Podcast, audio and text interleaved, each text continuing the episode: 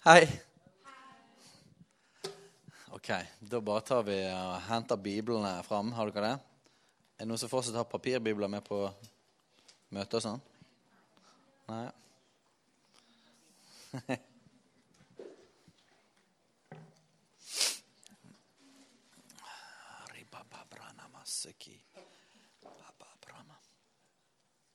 Så kan vi slå opp i eh, Johannes 20.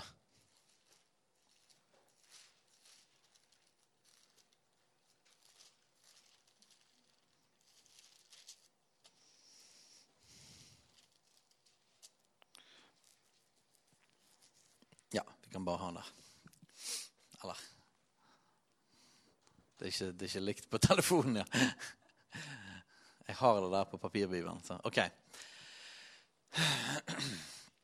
Yes, Vi er altså i en tid i Jesusfellesskapet der eh, vi prøver å sette Snakke mer om framtid, snakke mer om, om, om, kall og oppdrag og visjon og verdier og de tingene der. Uh, og, og, vi kommer til å dryppe det liksom inn gjennom hele dette halvåret. Vi kommer til å snakke om andre ting òg, men, men ja. Så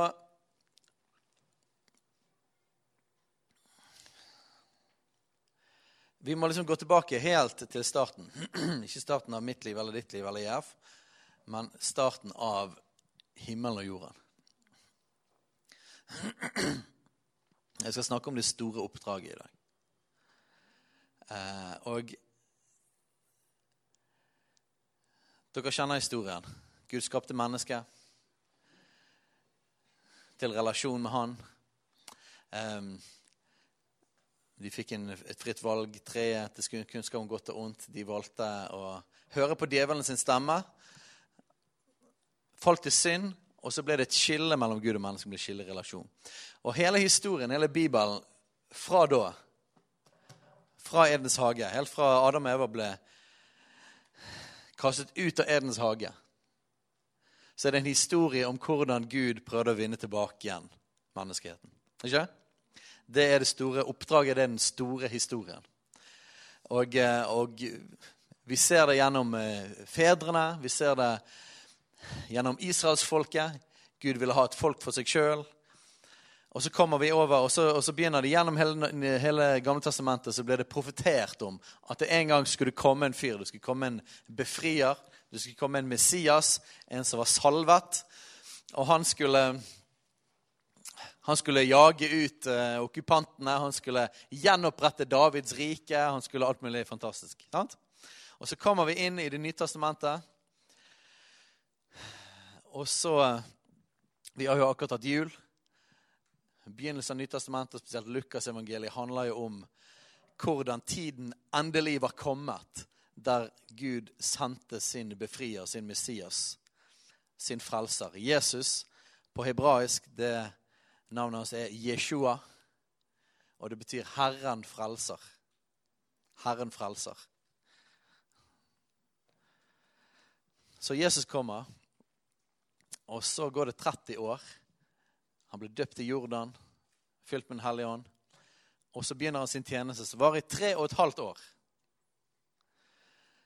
Og så ender alt med at han dør på et kors for verdens synder. Han står opp igjen. Og så eh, gir han et oppdrag til sine tolv disipler. De tre og et halvt årene han var på jorden, så forkynte han evangeliet om riket. Himmelens rike kommet nær. Han helbredet de syke, han gjorde mirakler massevis, tusenvis på tusenvis på tusenvis. Han vekket opp døde, han kastet ut onde ånder. Han underviste. Men kanskje noe av kjernen av det han gjorde, var det at han trente noen spesielt til å ta hans oppdrag videre. Det fins en bit av Jesu oppdrag vi aldri skal gjøre igjen. Det å dø på et kors for verdens syndere og stå opp igjen for de døde. Men alt annet det Jesus gjorde, det gjorde han ikke bare som en one time event. Han gjorde det for å trene opp 12, men òg 70. Og så var det òg 120 på pinsedag. Var ikke det? Til sammen. Det var flere, men de fleste andre hadde forlatt han. Men han investerte rett og slett inn i disse tolv og 70 for at de skulle ta oppdraget videre. ikke det riktig? Vi tror på alle disse tingene her. Det er en sånn resymé av eh, den store frelseshistorien. Når Jesus var i himmelen Det står, det står i, helt i begynnelsen av Feserbrevet står det at eh, fra verden, vi ble utvalgt før verdens grunnvoll ble lagt. Til at vi skulle stå rettferdige foran ham. Sant? Så vi ble utført før verdens grunnvoll ble lagt. Så betyr det at Gud visste allerede at mennesket kom til å gjøre opprør, gå fra han. Og han visste allerede på forhånd at han måtte gjøre et eller annet for å vinne dem tilbake igjen. Så det var Guds plan helt fra starten av. Og Vi ser allerede i skapelsen står det at eh, de skapte. Vi, skal vi skape mennesker i vårt bilde? Så, de. så du har Faderen, Sønnen og Den hellige ånd. Helt der fra starten av. Og allerede helt derfra så var det planen hans at han skulle vinne menneskeheten tilbake. Og Jesus hadde allerede sagt ja til det oppdraget før Adam og Eva falt. Vi skal vinne dem tilbake. Vi fikk en fri vilje, sant? Og vi valgte å gå vekk. Og dere kjenner evangeliet. Romane 3,23. For alle har syndet og står uten ære for Gud. Så vi har alle gjort opprør. Dette er hele menneskeheten. Vi har alle gjort opprør. Han visste at vi kom til å gjøre det. Og så står det om loven i Det gamle testamentet. Jeg bare legger litt grunnlov før, før, vi skal komme inn i en grunnvoll. Loven i Gamle Testament, vet du hva det står om i, i, i Er det Romerne 5 det står? Det står om at eh, Nei, det er Romerne 3 det òg. Hvorfor var det loven kom? For å overbevise om synd. Var ikke det? Så loven kom for å vise at vi ikke fikk det til. Loven var en del av planen hans. Først falt vi, og han planla på forhånd at han skulle redde oss før vi falt så ga han loven. Og han visste på forhånd at ingen av oss kom til å klare å holde loven. Og så la han grunnlaget for at Jesus kunne komme. For det at han er kommet for å søke og frelse det som er fortapt. Han oppsøkte oss. ikke det riktig? Så det er frelseshistorien. Så Jesus han hadde et oppdrag som han og Faderen har blitt enige om. Vinne verden tilbake til seg sjøl. Det er det store oppdraget, det er det store budskapet. Det er det evangeliet med stor E. Ikke bare det korte evangeliet, at vi trenger livets vårt synder, men det er det store evangeliet. Det er vi som forlot han, og han som jager etter oss. Og ofret seg sjøl for å vinne oss tilbake igjen. Og så sier Jesus en ting. I Johannes 20, vers 21. Like som Først står det, Jesus sa igjen til, det, sa igjen til dem, 'Fred være med dere'. Og så disse poengene. Like som Faderen har utsendt meg, sender også jeg dere. Og Jeg vil at dere ikke skal være redd her, for dette er et evangelistisk budskap. For det er ikke det hovedsakelige. Dette er et apostolisk budskap. Jeg vil snakke om det store oppdraget. Og, og det store oppdraget er mer enn rein inn til en evangelisering. Dette er det store oppdraget om at det, opp, det, det oppdraget Jesus fikk fra sin far, det sa han på samme måte som Faderen har sendt meg, sender jeg dere. Vi er altså Guds menighet. Vi er et fellesskap. Vi har snakket om familie og fellesskap. Vi tror på det, vi elsker det, vi tror det er veldig, veldig viktig. Men Guds menighet, når Guds menighet ble født på pinsedag, så ble Guds menighet født inn i det store oppdraget. Det store oppdraget er å vinne verden tilbake igjen til Gud. På samme måte som Jesus ble sendt. På samme måte er vi sant. Så når vi snakker om, og la meg bare legge det klart òg med en gang, sånn at ikke må tenke, ja, men, ja, men. Jo, vi er kalt til fellesskap med han, ikke vi det? Så vi er kalt til fellesskap. Vi er kalt til å bli gjenforent med vår far, så det betyr at vi er sønner og døtre. Vi er kalt til å være der med han. Ok, det, det er definitivt. Det ligger der. I, evigheten skal vi leve for alltid sammen med han. Vårt kall er først og fremst å kjenne han, ikke det? Yes. Men det finnes et annet kall som er, ikke går an en gang å si er nummer to. De, de klinger 100 sammen i Det nye testamentet. Du kan ikke rive dem fra hverandre. Og det er På samme måte som vi er kalt til å kjenne han, så er vi kalt til å gjøre han kjent. Det er ikke et oppdrag som vi kan løsrive til evangelister. Evangelister er et spesifikt oppdrag i det store oppdraget. Men det er et oppdrag som vi absolutt alle har. Og jeg snakker om mer enn evangelisering. Jeg skal si mer spesifikt hva jeg snakker om. Mer enn evangelisering. Men det jeg prøver å formidle her, det er det at eh, folkens, ja, vi er skapt til å kjenne Han. Vi er skapt til å være elsket av ham, vi er skapt til å være sønner og døtre av ham. Men vi er òg skapt til absolutt alle som er en. Alle som kaller seg en kristen, er innrullert i et stort oppdrag. Enten vi vil det eller ikke. Det betyr faktisk at over vårt liv, uansett hva vår personlighet er, uansett hva våre gaver er, uansett hva vårt individuelle kall er, uansett hvor vi skal bo, uansett hva yrke vi skal ha, så er det en overskrift overalt, sammen med at vi er kalt til å kjenne Han. og være elsket han. Så er det en overskrift som står over livet vårt, hvis Han er vår Herre. Og det er at vi er sendt, akkurat som Jesus ble sendt, til å forandre denne verden. På et tidspunkt så kommer vi alle sammen til å stå foran vår far. Og det blir et fantastisk moment, for vi kommer til å se hvor lite vi fortjente Hans nåde. Sant?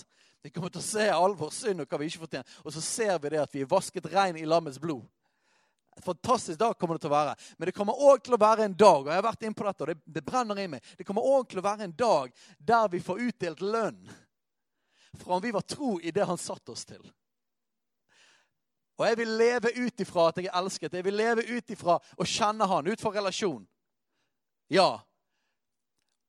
Og sammen med det så vil jeg leve ut ifra at hver dag på denne jorden så er livet mitt Det handler om det store oppdraget.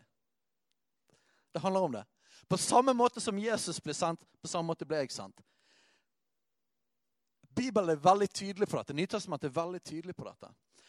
Jesus sa ikke spesifikt til evangelister, han sa det til sine første disipler.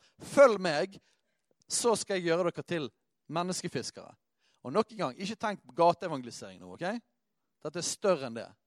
Det handler om at hele livet vårt som disipler er rettet inn mot én ting. Bare elsket han, kjenne han, men å følge han og forandre denne verden. Det er det. Det er oppdraget vårt. Det fins masse forskjellige fantastiske oppgaver inni det oppdraget. Masse forskjellige roller. Det er plass for alle. Vi trenger alle. Men det er bare ett oppdrag. Og det er ingen som er unntatt av det. Og jeg må forkynne det fordi at Fordi at vi har vært veldig på i denne menigheten. Vi har, vi har en historie av å ha pushet, og vi har pushet for mye. Så vet jeg at en av de tingene som det mange hos oss har lagt et sånn anstøt på, det er å snakke om etterfølgelse og det store oppdraget. Og faktisk leve for det. Og det vi liker å snakke om, det er noe som er så sant og så viktig òg. Men så prøver vi kanskje å rømme litt fra den siden og snakke om at ja, men Gud han krever ikke noen ting av oss. Han elsker oss uansett, og det eneste vi skal være sønner og døtre. Og saken er at nei, det er ikke sant. Det er ikke bibelsk. Det er sant, men ikke sant. For du kan ikke ta noen av de vekk. Du kan heller ikke si 'jeg skal bare gjøre et oppdrag'. Jeg er bare en soldat. Jeg skal bare gjøre disiplin. Det å kjenne han og være elsket han har ingenting med saken å gjøre. Det er heller ikke sant. Da har du mistet virkelig hensikten med hvorfor han faktisk gjorde alt det han gjorde. Han vil jo ha oss tilbake igjen. Det er jo hele drivkraften. Men du kan ikke skille de to tingene. Vi er kalt til stort oppdrag. Jeg, jeg, jeg, vil si det her nå. Jeg vil mane det inn, og jeg håper Den hellige ånd vil vekke noe på innsiden og smitte dere, for ordet det skaper et eller annet. Men jeg lever for det oppdraget. Jeg gjør det. Og det betyr ikke at jeg ikke liker å spille Fifa på Xbox. Og jeg elsker å gjøre det. Det betyr ikke at jeg ikke kan ha det bra. Det betyr ikke at jeg ikke kan ha et sunt liv og ha balanse. Nei, det er faktisk en stor del av det. Jo, fordi den elsker meg fordi jeg skal ha det godt, og det er verdi i seg sjøl. Ja, men det er mer enn det òg. Jeg trenger å leve sunt fordi at hele livet mitt er kalt er for dette oppdraget. Hele livet mitt er for det. Hver dag. Hver dag, hver dag. Drivkraften min til å ha sunne og gode relasjoner er nettopp det store oppdraget. Drivkraften for at vi skal ha familie og ha godt fellesskap, det er det store oppdraget. Grunnen til at vi trenger å fokusere på at folk må bli hele, de må bli satt fri, de må komme inn i sin identitet, det er det store oppdraget som er grunnen til at vi må det. Fordi at vi er ikke bare en evangeliseringsorganisasjon. Men vi er kalt til å forandre verden. Og hvis ikke det faktisk er liksom ledestjernen Jo, det er jo han med det oppdraget. Så bommer vi på hva he, Dette er liksom hele historien vår. Ikke på JF sin historie. Dette er, hele, dette er verdenshistorien. I denne tiden mellom før mellom Jesus sto opp igjen og dro til himmelen, og han kommer tilbake igjen, så er dette overskriften over denne tidsalderen. Det er oppdraget om å vinne verden tilbake. Og vi alle er kalt inn i det. Det, ingen, det er ikke noe sånn at noen er spesifikt kalt til misjonærer, og så alle de andre er bare vanlige kristne, og vi venter på himmelen. Nei! Vi har fått et oppdrag. På samme måte som at han Faderen sendte Jesus, på samme måte sendte han oss. På samme måten. Ribabashiki.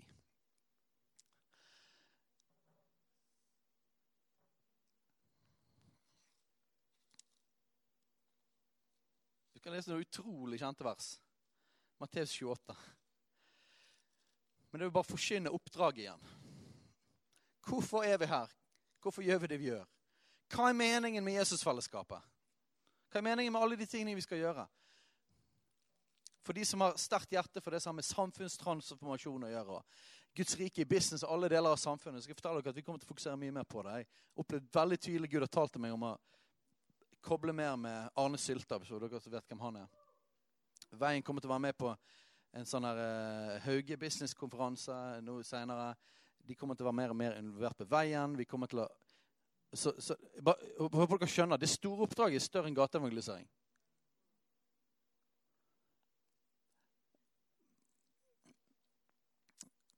Matteus 28.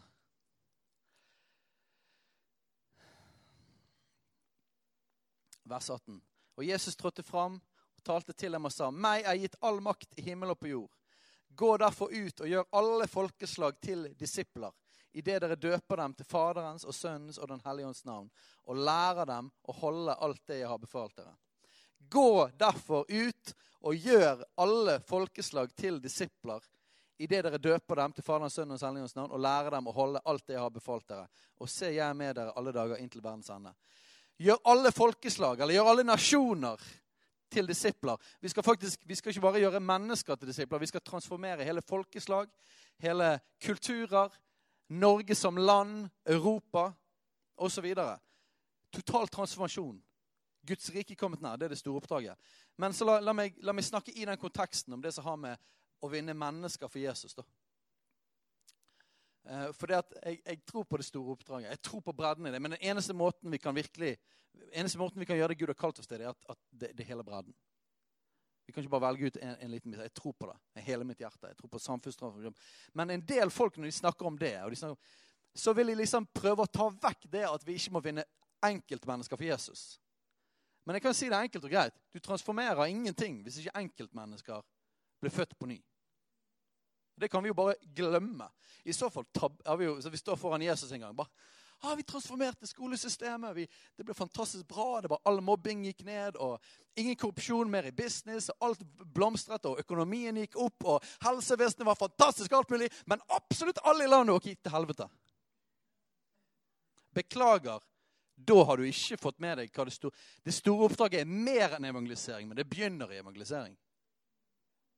Ja, Men det gjør jo det.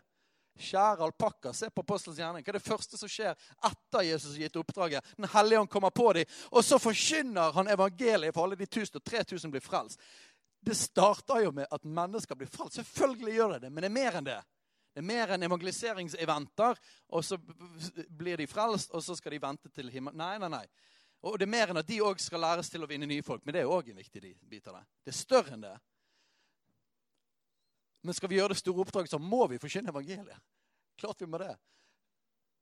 Og det oppdraget var heller ikke bare til evangelister. Men dette har jeg hørt mange ganger før. Men det er sant. Jeg må forkynne det igjen i EF. Alle disse tingene som vi egentlig vet. Jeg må bare forkynne det en gang til og si det igjen. Dette er Guds ord. Det er det. Vi trenger å vinne mennesker.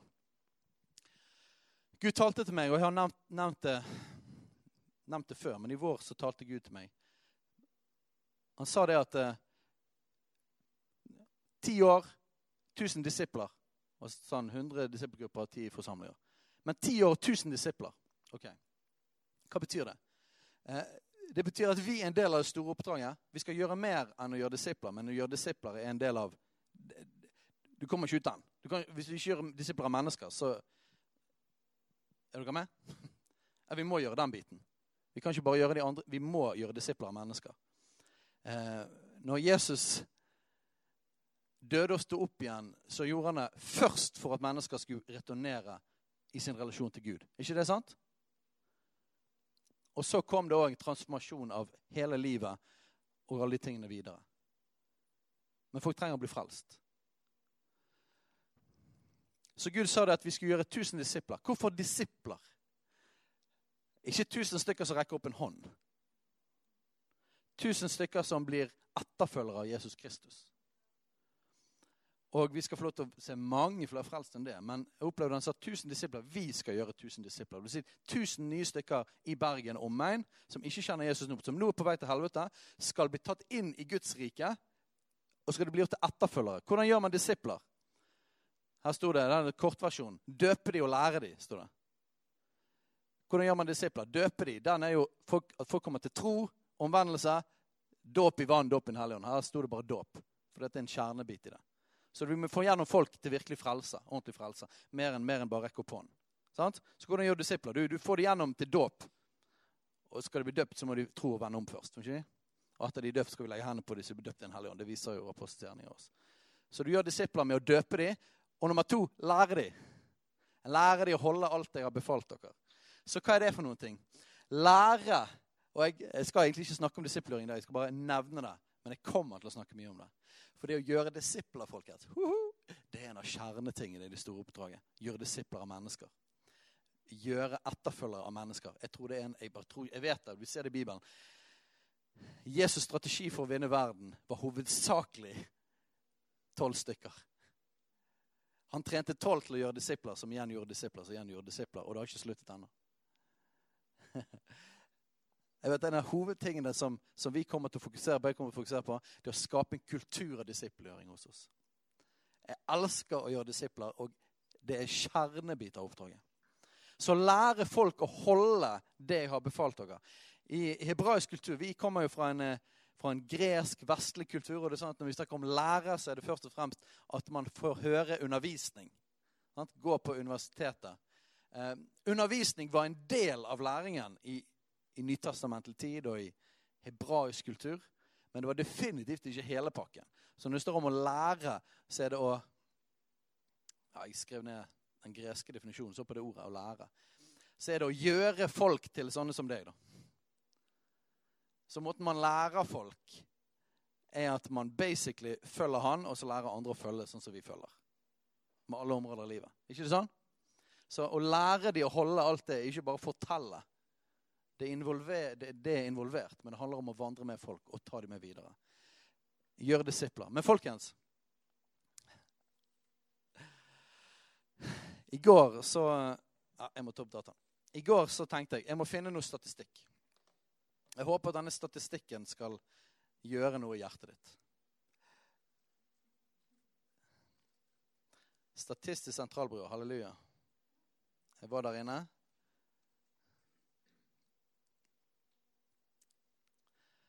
Tror ikke statistikk i seg sjøl eh, forandrer hjerter, men Helligånd ånd kan bruke sannhet og virkelighet til å gjøre noe med oss.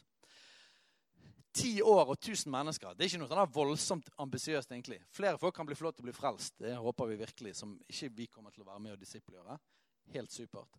Vi skal få være med og gjøre mange ting langt utover. Men jeg vet at, jeg vet at Gud har sagt det. Ok, Vi tar ansvar for 1000 stykker. 1000, år, 1000 stykker av ti år, det er ikke sinnssykt mye. ok? Det er det ene. Men, men sånn, vet du hva som er skummelt med det? Jeg har begynt å tenke litt på de tingene. Etter, lenge etter Gud har sagt det. jeg begynte å tenke, Hva betyr det da egentlig? Det skumle med det er at, det, at, at, vi kommer fra en sånn setting kristen setting her i Vesten at det høres mye ut. Er ikke det? Tusen stykker. Noen er skrudd sammen litt annerledes enn så også. Men tusen stykker! Og det var mye. Å, det er ikke mange menigheter som er tusen stykker. Tusen stykker. Ti år! Det er ikke et sånn crazy, sånn her urealistisk mål i det hele tatt. Det må jo være Gud som gjør det, men han sa skulle gjøre det. Så han så for 1000 her i byen. Ok, Så begynner jeg å se på statistikk. da. Jeg bare ble litt interessert på sånn, hva er akkurat nøyaktig folketallet nå for tiden. Og Jeg vet at det Gud snakker om, det er Bergen, Bergen og omegn. Bergen og omegnskommunene. Så begynte jeg å se litt. da. Ok, Vet du hvor mange som, eh, mennesker som bor i Bergen kommune nå høsten 2017? Du vet det? Det er 279 914. Det er sikkert endret seg litt. Dette fra, fra sein høst sto det på Statistisk sentralbyrå. Så 280 000 ca. bor i Bergen kommune. Ok? Og så eh, Aske kommune 29 000. Fjell kommune 25 Os 20. Lindås 15. Og så har du Sund og Mæland Øygarden og Osterøy de har sånn 7000, 8000, 4000, 8000. Så det betyr at uh, til sammen så er det var det i høst 399 081 mennesker. Så det vil si omtrent 400 000 i Bergen omegn. Er vi med på den? Så 400 000 i Bergen omegn. Gud sa en tid til meg, og dette, dette, alle er en del av det store oppdraget. Alle individer, alle menigheter. Vi er bare én lem. ok? Heldigvis. For det oppdraget er veldig stort. Men vi må jo ta ansvar for vår bit. Sånn er det jo. sant? Alle opptatt. Ok, dere, kan dere ta og gjøre dette? Det var det jeg opplevde Gud sa. Ta, ta den biten, og, og så, så, står vi til ansvar for det. Ok, supert. Men eh, om ti år, da Han sa det i fjor, så det ble 2027 i år 2027. Så med forsiktig, de har beregnet ned folkeveksten. Etter oljeprisen gikk ned, så har de tonert ned folkeveksten i Bergensregionen. Eh, så nå ligger det på ganske sånn her eh, forsiktig estimat på at det kommer til å være 450 000 stykker i regionen i 2027. 450 000. Er vi med på det? Ok. Og Da begynner det å bli interessant. Hvis vi er heldige, så er 5 av de født på ny. 5 er et høyere tall enn i så fall resten av hele Europa. I Europa ellers ligger det på et romslig tall 2 Sannsynligvis færre. Ok? Hvis, men vi vet at det er flere i Norden, og 5% er noe man har regnet med de siste årene. Okay. Så la oss si at i bergensregionen så er per nå 5 på vei til himmelen. Vi må kunne snakke om dette litt konkret. ikke?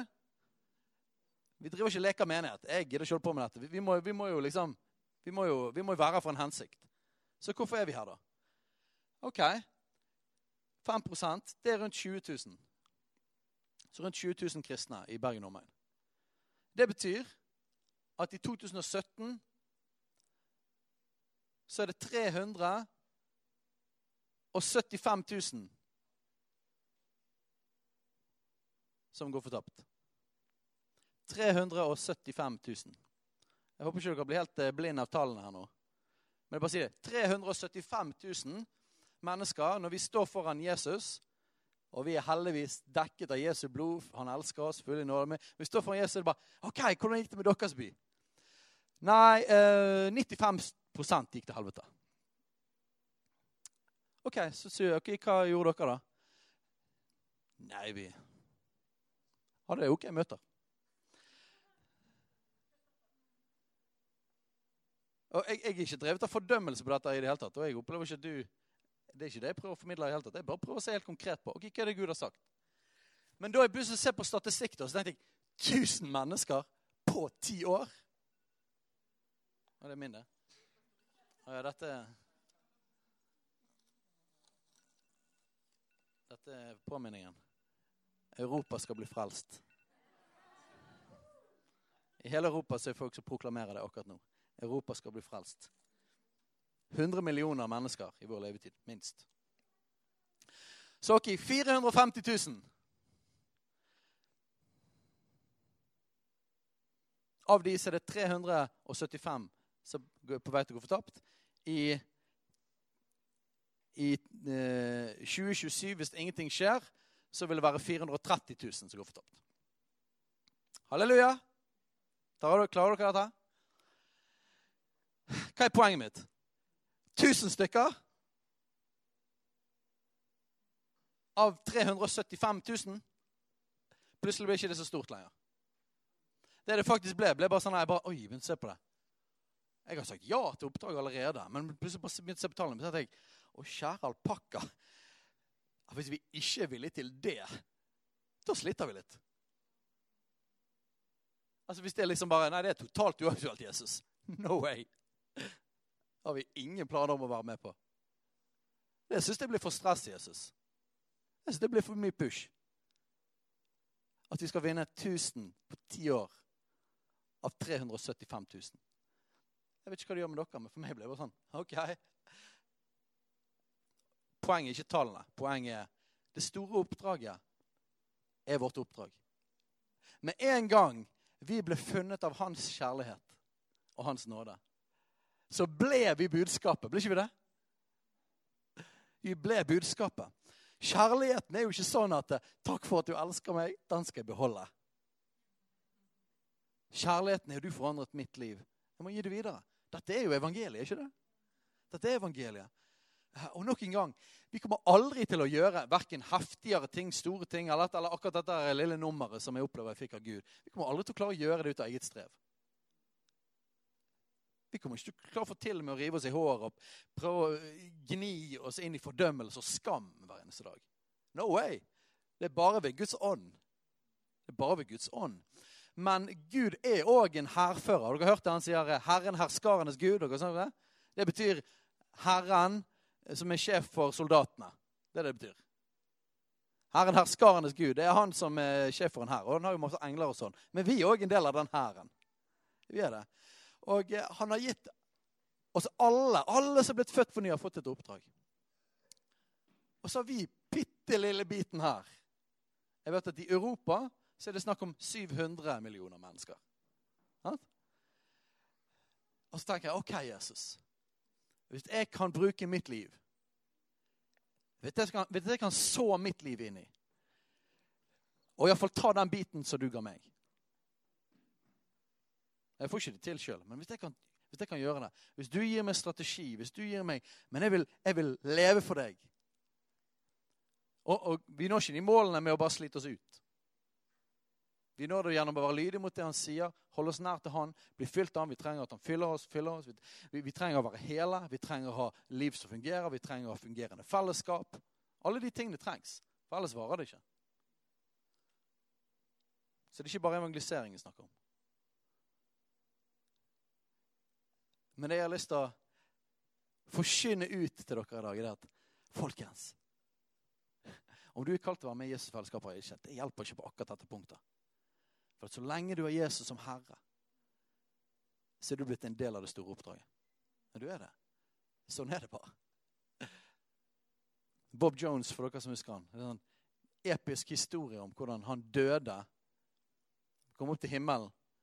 Møtte Jesus så fikk ikke han lov til å komme inn i himmelen. Han måtte ned igjen til jorden. Men det eneste det Jesus spurte folk Og det står ingenting om dette helt konkret i Bibelen, men det er veldig bibelsk. Han spurte did you learn to love. Han var jo amerikaner, så han sa det på engelsk. Did you learn to love? Og Did you learn to love handler jo ikke bare om tok du imot min kjærlighet. Men det må jo begynne der. Sant? Det må jo begynne å ta imot. For vi klarer ikke å elske hvis vi ikke sjøl har tatt imot. Altså, Vi klarer ikke å elske. Vi elsker fordi han elsket oss først. Men kjærligheten stopper aldri med at jeg fikk fylt opp min kjærlighetstank. Kjærlighet er sånn at jeg blir truffet. Og så blir jeg transformert. Jeg blir kjærlighet. Og så må jeg lekke det ut. Han ofret seg for meg. Det var kjærligheten. Kjærligheten er at han døde på korset for oss. Han ga sitt liv for oss. På samme måte som at han elsket oss gjennom å gi, gjennom å ofre seg sjøl, så har han kalt oss til å gi oss sjøl for verden. Og det er et privilegium, folkens. Saken er at det fins ikke et bedre liv.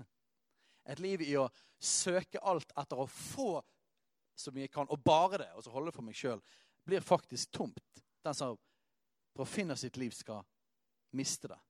Den som mister sitt liv for min skyld, han skal finne det. Guds rike-nøkkelen, folkens. Det å bli møte, møte han, bli transformert av han, erfare hans godhet, hans kjærlighet, hans nåde. Og så blir vi forvandlet Did you learn to love? Did you learn to love? Jeg er blitt forvandlet av hans kjærlighet, og nå gir jeg mitt liv for det som er på ditt hjerte. Ditt hjerte det var ikke bare meg, det var hele verden. OK, vi kan godt reise oss opp.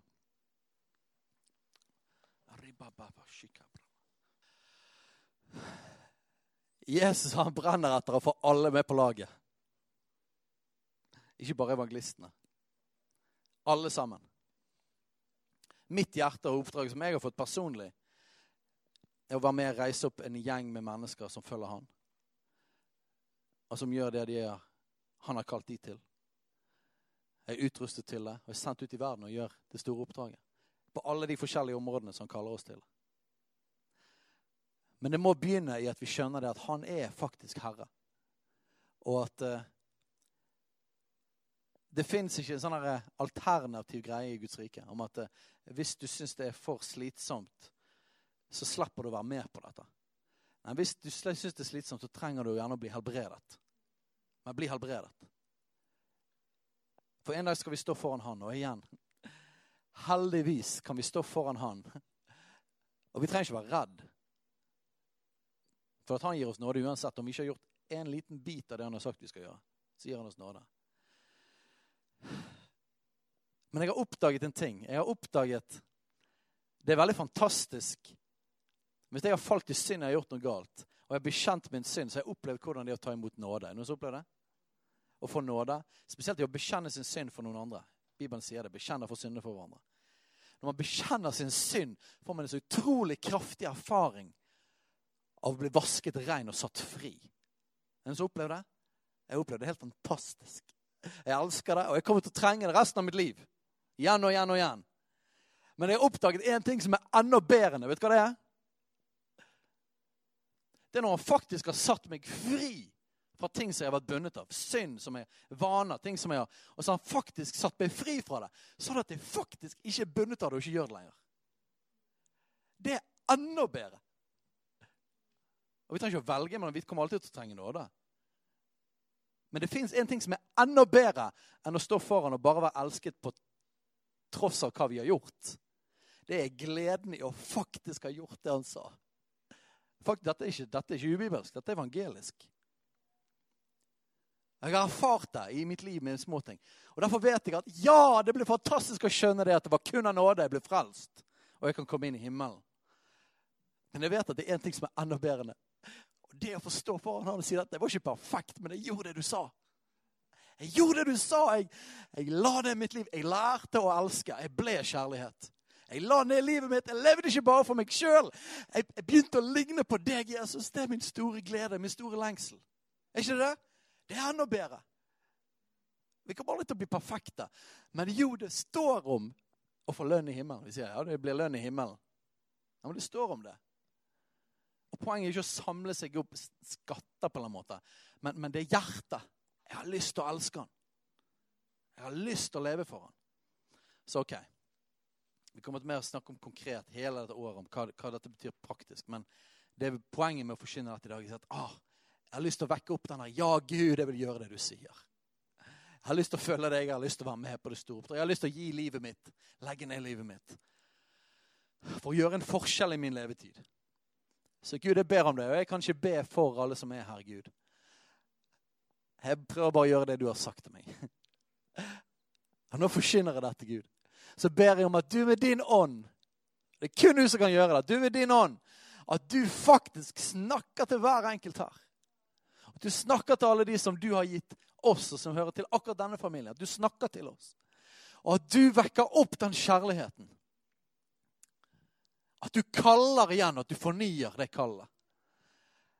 At vi er villige til å legge ned vårt liv, for det er det beste vi kan. Til å bruke hver dag, mandag, tirsdag, onsdag, torsdag bruke hvert år av vårt liv til å gi oss inn til det store oppdraget om at du vil vinne verden tilbake igjen.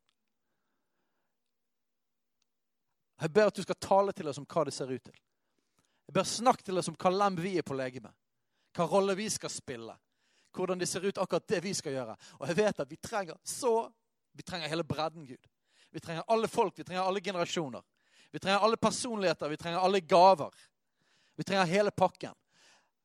Men alt det vil vi legge ned for deg og si at du er Herre. Du er Herre. Jeg vil ikke leve for meg sjøl. Jeg vil leve for deg, Jesus. Stå foran deg og kunne stolt si ja. Jeg brukte talentene. Jeg gjorde oppdraget. Takk, Gud. Og jeg ber for deg, for alle sammen her, når vi en gang står foran deg, så ber jeg at hele denne gjengen kan med frimodig si ja. Jeg var med og gjorde en forskjell. Jeg var med og gjorde min forskjell. Livet mitt betydde en forskjell på jorden. I Jesu navn. Amen.